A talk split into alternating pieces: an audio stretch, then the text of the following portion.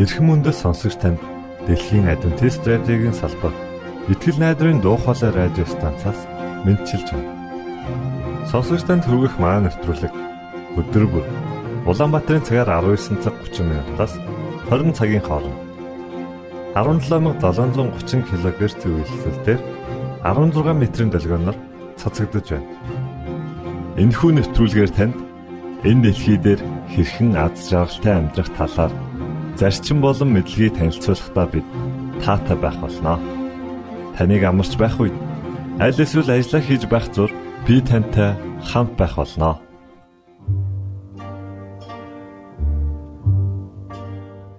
Өнөөдрийн дугаараар та бидний эрүүл мэнд юу бодож байгаатай маань холбоо хамааралтай юу гэдгийг олж мэдэх болно харин уран зохиолын цагаар Арчи хүүгийн багын мөрөөдөл түүний гэр бүлийн хүмүүс хэн байсан мөн түүний амьдралын талаар хамтдаа сонсох болно. За ингээд танд нэвтрүүлгүүдэд хүргэж байна.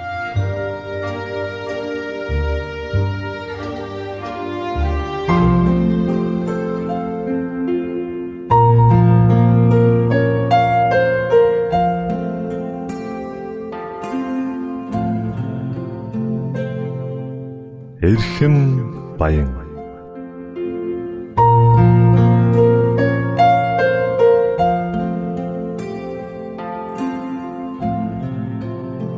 Эрүүл амьдрах арга ухаан зөвлөмж тайлбарыг хүргэдэг эрхэм баян нэвтрүүлгийн шин дугаар эхэлж байна.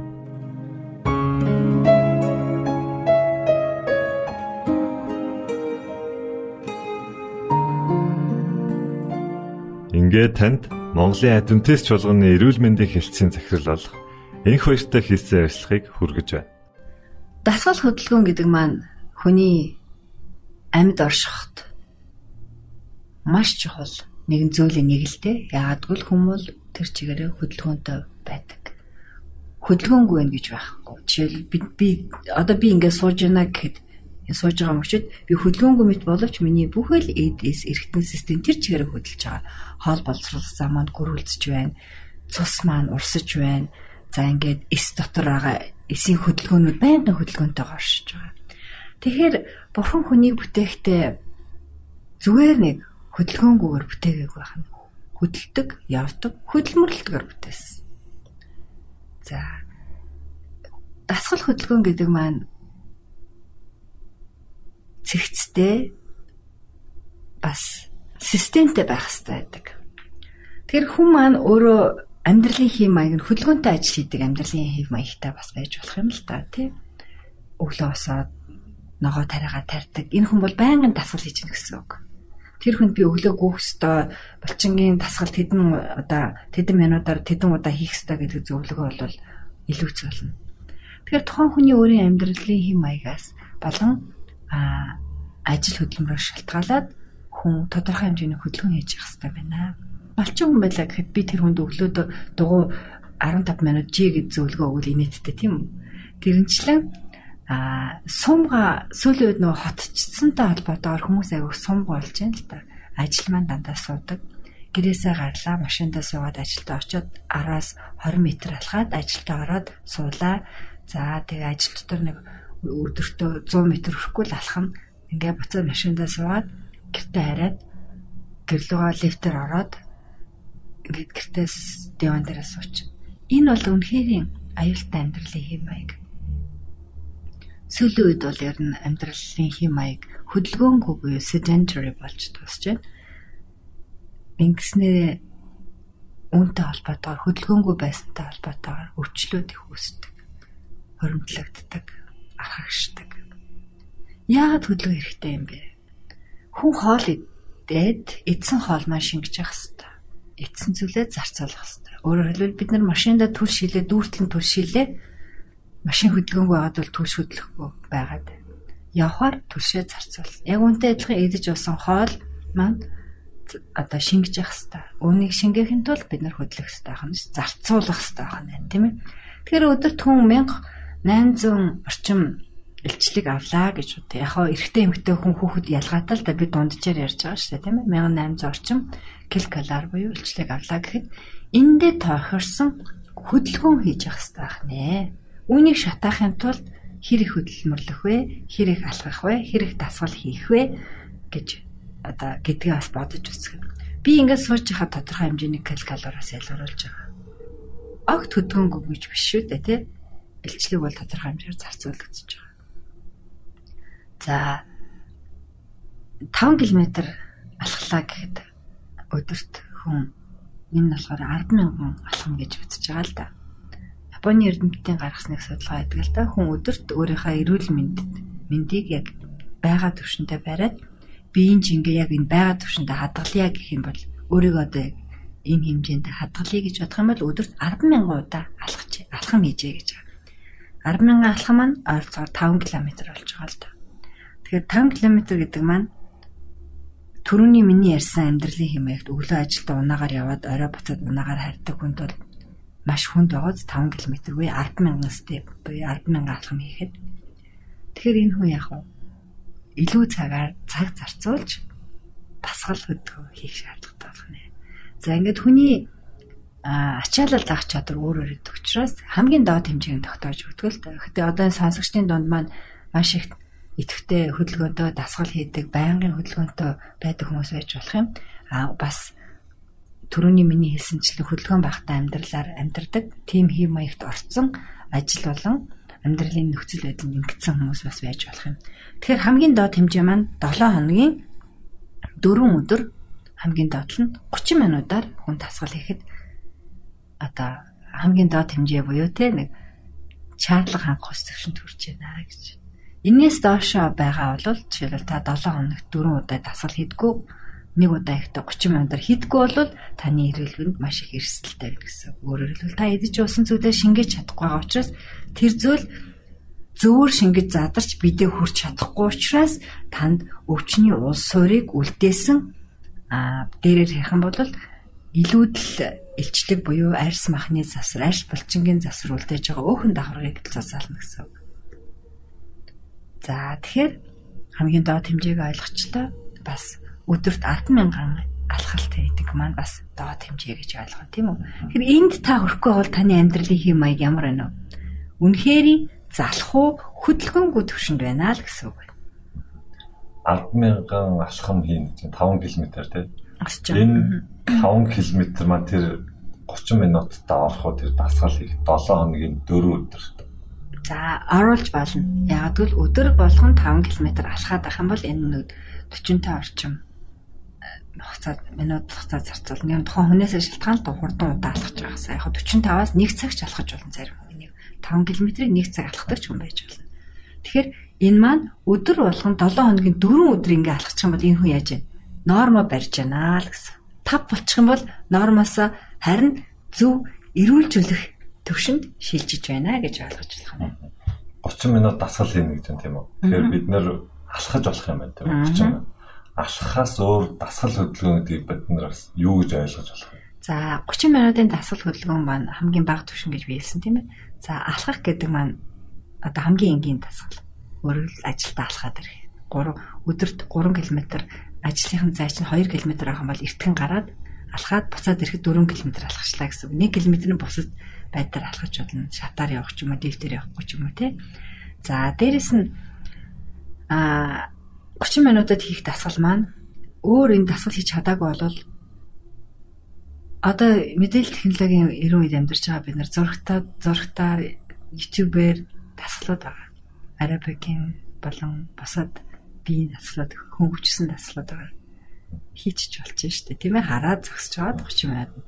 Тэгэхээр дасгалыг системтэй хийнэ гэдгийг би түрүү ихэндээ хэлсэн. Яагад бол дасгал хийн гэдэг маань тогтмол цагт хийх юм бол би яг тэр цагтаа бэлэн болдог. Өөрийгөө бэлтгэдэг байна. Өглөө босоод 6 цагт би дасгал хийнэ гэсэн тохиолдол байх юм бол 6 цагт би өглөө босоход миний дасгалд бие халаах хэрэгтэй эхлээд за тэгэд а аэробикийн хэсэг буюу одоо гүөх буюу өсрөх те одоо агаар их төлхөө хэрэглэсэн дасгал байна даслыг хоёр хуваадгалд aerobic, anaerobic гэдэг. За аэробик гэдэг нь болохоор агаар хэрэглэж байгаа. Зөвхөн ганцхан бүжиглээд байгаа дасгал бол биш байх нь шүү дээ, тийм ээ. Хэрвээ та гүйж байгаа бол өглөө 2 км юм уу 3 км гүйжиж байгаа бол энэ аэробик дасгалд орчиж байгаа. За энэ аэробик буюу нөгөө нөгөө эсрэг нөгөө тал нь болохоор булчин хөгжүүлэх буюу хөдөлгөөн багтаа тэгсэр нэ булчин илүүх одоо тонус өгдөг тийм одоо булчин хөгжүүлдэг манайхнаар бол бодибилдингийн ч юм уу те фитнесийн дасгалууд орчих. Хүчний дасгалууд. Аа хүчний дасгалууд гэж ойлгож байна. За энийг зохицуул зохистой хийн. Нэг нь давуу болчих юм бол тэнцвэрээ алдчих. Тэгэхээр хүн өглөө 30 минутын дасгал хийя гэж бодоход эхний 5 минутанд нь бие халаах нь байна. 5 минут. Бие халаах сонголт гэж бас. А сонголтыг болохоор тий яг бие халаах бол сонголт бас яг үндэ биш юм. Эхлээд бие халаана. Өөрөөр хэлбэл хөдөлгөөнд булчин шөрмсөө бэлтгэж явах хэрэгтэй. Гэхдээ энэ учиргүй сунгаад татаад байгаа юм биш. Огт халаагүй биеийг сунгаж бас болохгүй. Зүгээр хөнгөн хөдөлгөөнүүд байна. Баг зэргийн сонголт шиг хэрнээ хөнгөн учиргүй хүчтэй сунгаж болохгүй тий аа би одоо бие халааж ингээд шууд өвдгөндөө тухайн үргээл эхэлж болохгүй нахана шүү дээ. Толгооноос эхлээд хөлөө хүртлээ аажим хөдөлгөөн хийж бие халаах нь энэ бол 5 орчим минут. За ингээд дараагийн 15 минутыг үнэхээр гүйдэг ч юм уу, өсөрдөг ч юм уу хөдөлгөөн шаардсан. Ингээд 20 минут нь явчихж байгаа. Сүүлийн 10 минут нь нөгөө сунгалтын буюу булчин чангаруулах дасгалуудыг хийж болох нь шүү дээ тийм ээ сүүлийн 10 минут. Тэгээд cool down буюу дасгалаа а сунгалтын хөдөлгөөнөөр бие амрааж дуусгах. Энэ маань 10 минутын сүүлийн хамгийн сүүлийн 1 минут ч яж болно. Амраах хэсэг нь амьсгалын дасгалууд энэ 30 минутын үе шат тус бүрдэнд байх хэвээр. Амьсгалаа зөв авч зөв гаргах хэвээр. Хэрэв амьсгалаа буруу авах юм бол амархан ядарна тийм ээ. Тэгэхээр амьсгалыг хамраар авч амаар гаргана. Аа тэгээд гүн авах хэрэгтэй. А гүйж байгаа үед бол амаараа амьсгалахаар хүн амархан ядардаг учраас айл ал хамааж имиж хамраараа амьсгалаад үнэхээр бачимдаад хэцүү болоод ирэх юм бол хамраараа хурдан урдан амьсгалж амаараа гаргадаг. Тэгээ энэ бүгдийг яг дасгал хийж байгаа үедээ практикээр хийхгүй бол одоо сонсож байгаа хүн бол хэрэгжүүлэхэд бол хэцүү. Эндээс ойлгох ёстой зүйл юу вэ гэхээр дасгал маань системтэй байх ёстой юм байна. А дасгал яагаад хүнд хэрэгтэй вэ гэхээр бидний идэж уусан хоолой шингээхээс гадна хүний бие махбод одоо хөших эрсдэлтэй учраас хөдгөнгөө бодвол хөшин шүү дээ тий. Тэр хөдөлж явах хэвээр биеийг яг хөдлөж байхын тулд хүн дасгал хийдэг. Дасгал гэдэг маань системтэй байхаас гадна а тэр хүний амьдралын хим маяг бол тогтож болох нэ. Бас ажил хөдөлмөрт нь дасгал орцсон бас байж болох нэ тий. Тэгэхээр хөдөлгөөнтэй байх хэрэгтэй юм байна. Яагаад вэ гэвэл эрүүл урт амьдрал нь чанартай байхын тулд хүн хөдөлж байх хэрэгтэй. За дэлхийн эрүүл мэндийн байгууллагаас гаргасан нэг хідэн зүйл байдаг л да хүн эрүүл урт наслах буюу тэ амьдралын хим маягаас улбаатай өөрчлөлтүүдээс сэргийлэхин тулд хийх ёстой зүйлүүдийн нэгэнд нь тогтмол дасгал хөдөлгөөн хийж бай. Зөв хооллож бай. Арх болон согтууруулах хундаа бүү хэрэгэл хэрэгэлдэг бол багсах, тамхи бүү тат татдаг бол багсах ингээд тамхинаас гар гэсэн. Ерөөсөө энэ дөрвөн зүйлийг зөв зохистой хийх нөгөө хоёрыг нь хийхгүй байх, тамхи архийг хэрэглэхгүй байх, дасгалыг нь зөв хийгээд хоолоо зөв идэх юм бол хүн чанартай эрүүл урт наслах боломжтой байна. Аа одоо малчин за аль эсвэл хар бор ажил хийдэг хүмүүс байгаа тийм үү. Тэгэхээр биеийн хөдөлмөрийн ажил хийгээд байна шүү дээ. Энэ хүмүүс тэгэхээр дасгал хийх хэрэггүй гэж ер нь ойлгож болох юм. За яг хэрэггүй гэж ойлгож бас болохгүй юм аа. Яагтгүй л малчин хүн гэхэд ерөөсөө л алхаж байгаа шүү дээ, тийм ээ. Яг алхах сайн дасгал. Гэхдээ энэ хүн бол нэг системтэй дасгал болохын тулд тодорхой хугацаа нэг булчингаа чангалах, булчингаа хөгжүүлэх үүднээс те нэмэлт дасгал нэмж хийж болох нь шүү дээ. Малаа хариулж явахдаа суниадаг ч юм уу, өсөрдөг ч юм уу те. Тэртээ тэрнгүү 3-5 км алхаж чижээж болно тэр хүн.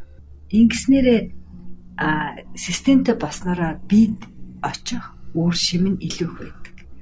Зүгээр л алхаад байна гэдэг бас дасгалын тоонд орж байгаа ч гэсэн системтэй илүү чанартай байхын тулд булчин хөгжүүлэх хэрэгтэй. Төрөний нөгөө ярьсантай булчин хөгжүүлдэг хэсэг байна. Бас агаар амьсгалдаг, агаар зарцуулдаг, өөрөөр зүрхэнд ачаал өгдөг нэг хэсэг байна. Тэр маань гүйдэг, хараадаг, өсөрдөг. Тайван алхаад байснараа бас дасгалын шимийг авахгүй байх тохиолдол байдаг л да. Тэгэхээр үр шимийг авахын тулд яг ачаал нэмэх нь өөрийгөө сорих нь бас дээрэс нь булчингаа хөгжүүлэх дасгалыг нэмж өгөх хэрэгтэй юм байна. Дасгалаас хүн авах үр шим нь бол ганцхан те нөгөө уян хатан нас ахивдсан хүний нөгөө хүн хатан гаршиж хөдөлгөөн багдаж дээрэс нь хүшдэг. Тэгвэл дасгал хийж байгаа тогтмол хийдэг хүн бол нас өтлсөн ч гэсэн өвдөг, үе мөчний өвдөлт нь бага байхаас гадна хөдөлгөөн нь уян хатан байна.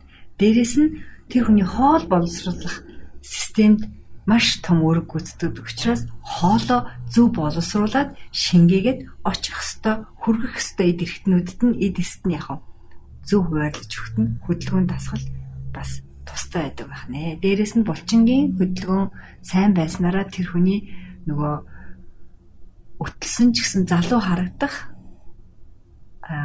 боломж нь бас их байдаг гэж үзэж байна. За тэгэхээр амьдрал гэдэг маань тэр аяараа хөдөлгөөн учраас хүн хөдөлгөөнтэй л амьдрах учиртай юм. Ягдгүйл хүн суумга байхаар бүтээгдээгүй хөдөлж явхаар хөдөлмөрлөхөөр бүтээгдсэн учраас дасгал хөдөлгөөн тогтмол хийж идэвхтэй амьдралаар амьдрснараа та амьдралынхаа чанарыг сайжруулах боломжтой юм аа. Música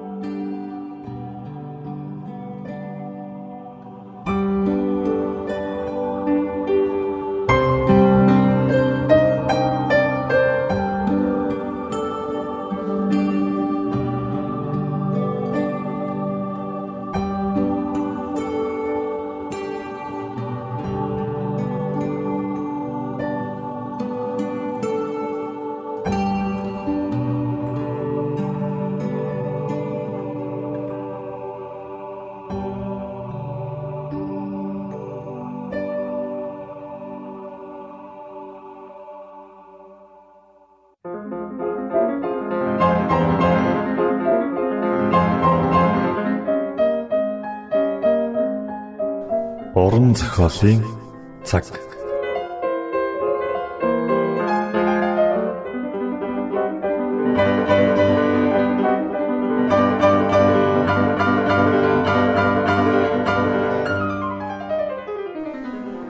Уран зохиолын цаг нэвтрүүлгийн шин дугаараар уулзж байгаадаа баяртай.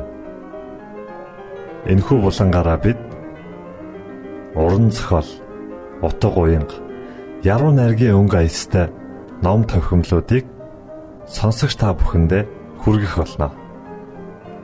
Та бидэнтэй хамт байгаарай. Тэн удаагийн дугаараар эцгийн гашуун бэлэг хэмээх арчи хүүгийн тухай гарах номыг сонирдуулах гэж байна. Хөгжмөд артн сонов.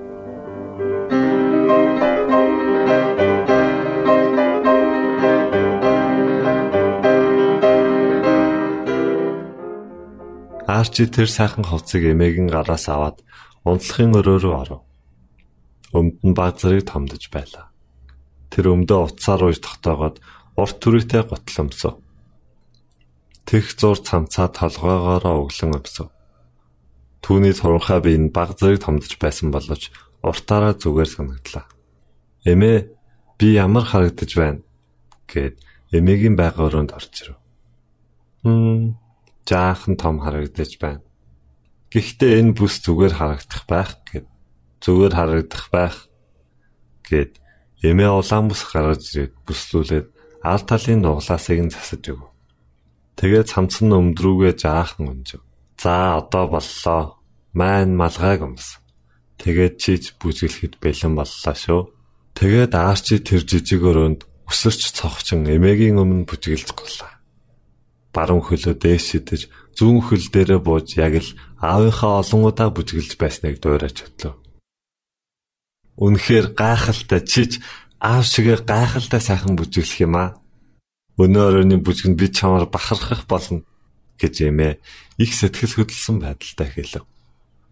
Тэр оройдоо тосгоны удамжинд сүмийн урд талд арчи гэр бүлийнхэндээ бахархаа болов.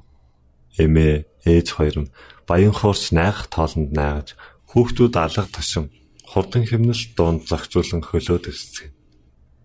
Ээжээ арчиж сайхан бүжгэлж байна да гэж маар сэтгэл нь хөөш залуучуудын бүжгэлхийг хараад дуурайн бүжгэлэх хүсэлтэд татагдсан эрэгтэй хөвчөг байлаа. Тийм ээ сайхан бүжгэлж байгаа биз гэд Марижаны хоёрыг ихэн тэрв. Яг аав шиг бүжгэлж байна тийм үү эмээ гэж Роман асуухад бүх хөдөлгөөн сайхан байна.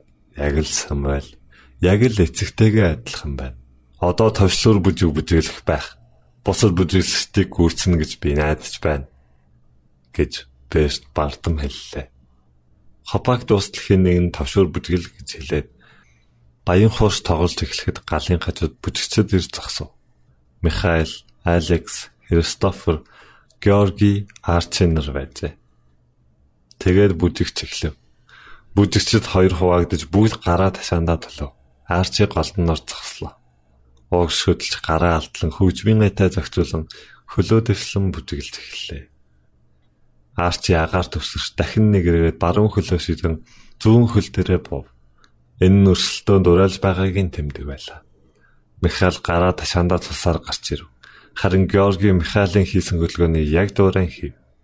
Тэр яаж бүжиглсэн арчид эднээс илүү хөдөлгөөн хийж. 1 минутын турш тэд өвдгөн дээрээ унан гараа алдлаад дараагийн минутанд хөлөөрөө их л урлагтай наргагүй дуу гаргав. Ямар ч зөрсөлдөөнөөр Арчи тэргүүлж байв. Түүний нэр бараг бүх охтын амнаас гарч тэд түүний шүглдэх, үсрэх, эргэлдэх ямар ч хурдан хэмнэлтэй аян бүжиглэх чадварыг нь гайхан магтцгааж байлаа. Өрсөлдөөний төгсгөлд бүх бүжигчид өөр өөрсдийн хөдөлгөөнийг хийж агаарт их өндөр төсөрч өсгийгөрөө дуугарган гарынхаа алгаар өвдгөө зохин химнэл өгч байлаа. Арчи чи маш гайхалтай бүжгэллээ гэж майр гүйжирэн тэрв. Би чамаар бахархаж байна гэж Роман мөрөн дээр нь чимхэд яг л аав шиг гэж хэлв. Тэгтэл Михаил Арчи бидэнтэй ирж хондоо тулгаач гэв. Тэгээд Арчи гэр бүлийнхнээсээ хөндөрн залуучуудын зүг алхав. Чи сайхан бүжгэллээ. Эр хүн гэж Георги хэлээд гараа мөрөн дээр нь тавь. Чи Самуэлийг санагдуулчихлаа. Энэ хувцастай чи яг түүн шиг харагдаж байна гэж Иван нэмжэлв. За нэг хондог өргөч гэд Михаил баярлан хөөсөн залуучуудад хандгалж өг. Арчи хэсэг зур дөргөцсөн. Арчи тэр энэ мохлог руу аавда архи авч өгөх гэж тоо томшгүй олон удаа ирснээ саналаа. Хизээч архихгүй гэсэн тангагаа мөн санав. Гэвч тэр уржигдэр өглөөх нь амлалтаа зөрчсөн байлаа. Залуус хондгонуудаа өргөж эхлэв. Одоо тэр том эр хүн болжээ. Тэд түүнийг яг эцэгтэйгээ адил наргицсан гэхийг хүсв. Тэгээд Арчи хундахтай архийг аваад хөнтөрч орхилоо. Бас дахин архи хийлгүүлэхээр хундгаа тасав. Сайн байна. Аавшгаа бүжиглээ зогсохгүй бас аавшгаа удаг юм байна гэж Христофер хэлв. Архины халуун тархинд гарч зарим юмыг сандхаа боллоо. Энэ бүгд эр хүн болсныг илтгэж байсан учраас уучсан юмсан. Тэгээ шүн нүдэн бүрэлцээд ухаан нь орон гарan өнгөрөв. Өглөө босоход гидсэн өвдөн амнаас нь өмхийн өнөртөн толгой нь яг хэдэн хэсэг болох гэж байгаа юм шиг санагдав. Би ч юм нэг аяг хар кофе чаналаа гэж Домка Шипог хэлээд жаахан уучих би чинь зүгээр болно. Өө ээжээ өчтөрөөрөө би согтлоо арх ууччих. Тийм ээ. Намайг уучлаарай гэж Арчи хэлээд ээжийнхээ харнуудыг ажиглав. Би өөрөө өөртөө тус болж чадсангүй. Тэд намайг өөрсдөө архив гэсэн юм. Тэгээд би найз нартайгаа хамт баймар санагдаад тэрээр ичингүүр нь дуугүй болов. Би мэднэ гэж хатагта Шиповыг хэлээд хүүгийнхээ хар хөрөн үсэглээд чи залуучуудтай хамт баймаар байв уу? Чи 2 3 хондоо угаад болиё гэж бодоод болох гэсэн чинь тэд чамд хундаглаад өгөөд байсан болохоор чи үгүй гэж хэлж чадсангүй юу? Аар чи ээж рүүгээ их гайхсан байдалтай хараад яг ийм юм болсон. Гэтэ та яаж энэ бүгдийг мэдсэн юм бэ? Би энэ түүхийг Самуэлаас хандлаа сонссон. Чи яг аав шигэ бүх зүйлийг давтаж байна. Эмээгийн хэлдгээр алин модносоо хол ойчтгүй гэд. Ээж нь санаа зовсон байлаа харуулахгүй гэчээ. Буруу хараад зогсов. Тэгээд эргэн хараад энэ өвсгөллээ. Чич өчтөр гайхалтай сайхан бүжгэлсэндэ Арчи аяг сунгаад ээж рүүгээ харан нэмсгэллээ. Би та нарыг өөрөөрөө бахархуулахыг бодно гэж хэлв. Бурхан чамайг ивэх болтугай. Бас аавыг чинь ч ивэх болтугай. Аав чинь одоо хаана явж байгаа юм бол доо. Гэгэнтнүү түүнийг ивэх болтугай. Би бас үргэлж чамаараа бахархах олно. Чи аавтайхаа их төстэй. Түүнтэй адил их наригаанч зарсандаа хүрдэг хитрхи мөрөөдөмтгий. Харин чамайг би мөрөөдгөө болоосаа гэж бодож байна. Түүний хитрхи мөрөөдөл намайг түүнээс минь салгасан. Би чамайг алдахыг хүсэхгүй байна гэж ихэн хариулв. Арчиж кофегоо ууж дуусгаад би Алекстэй уулзах ёстой гэж хэлэхэд рүүм явах талаа руу гэж ихэн асуухад Тийм ээ, үдийн хоолны дараа би ирнэ гэж Арчи гарах зураг хэлв. Домка Шипог Арчи гарахад амдаа ямар нэгэн зүйл хэллээ. Арчи яг юу хэлснийг нь сонссонгүй. Магадгүй яг л аавтай гадал гэж хэлсэн байх та. Та уран зохиолын цаг навтруулыг бүлээн авч сонслоо. Дараагийн дугаараар уулзтлаа. Түр баярлалаа.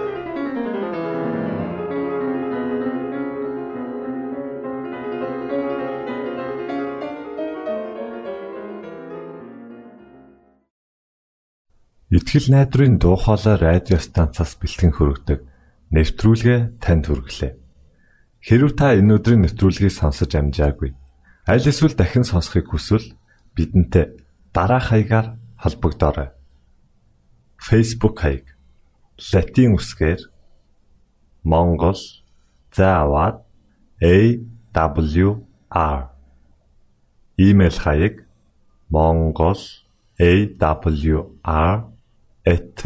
@gmail.com Манай утасны дугаар 976 7018 24 9 Шуудангийн хаяг 16 Улаанбаатар 13 Монгол улс Биднийг сонгон цаг зав аваад зориулсан танд баярлалаа. Бурхан таныг ивээх болтугай.